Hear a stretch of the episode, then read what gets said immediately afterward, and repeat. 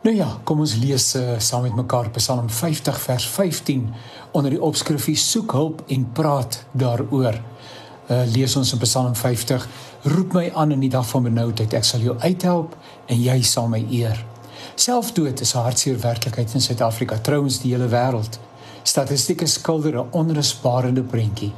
Ek haal aan uit 'n bydrae wat die bekende dokter Isak Burger op Facebook geplaas het. Alhoewel statistieke oor selfdood nie gereedelik bekombaar is nie, blyk dit dat daar jaarliks ongeveer 'n miljoen selfmoorde ter wêreld is, een elke 40 sekondes. Oor die laaste 50 jaar het selfdood met 60% toegeneem. Wêreldwyd is die selfmoordsyfer 16 per 100 000. In Suid-Afrika is die syfer 17,2 per 100 000, 23 gevalle elke dag.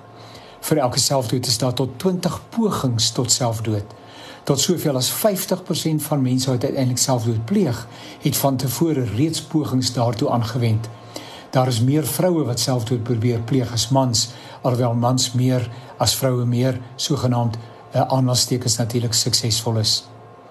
Min mense het nog nie deur is nog nie deur selfdood geraak nie. Een persoon se selfdood kan dosyne mense se lewens beïnvloed. Ek wonder of daar iemand is wat nie op die een of ander wyse met die hartseer van iemand na aan jou wat selfdood gepleeg het moes deel nie.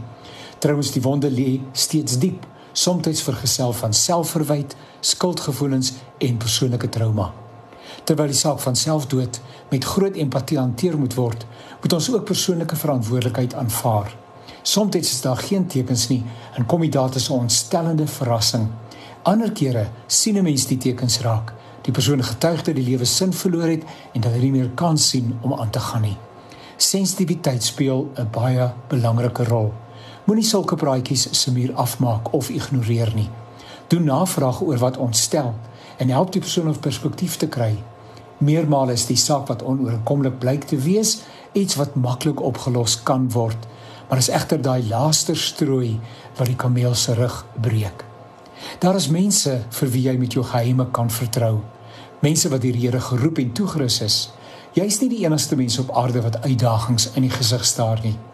Daar is so bitter min dinge waarmee 'n terapeut, beraader, dominee, sielkundige of 'n psigiater nog nie te doen gehad het nie. Moenie dat trots jou daarvan weerhou om hulp te soek nie. Kom ons wees daar vir mekaar. Die lewe is kompleks en het baie uitdagings. Ons het almal 'n skouer nodig. Somstyds 'n skouer nodig om op te huil.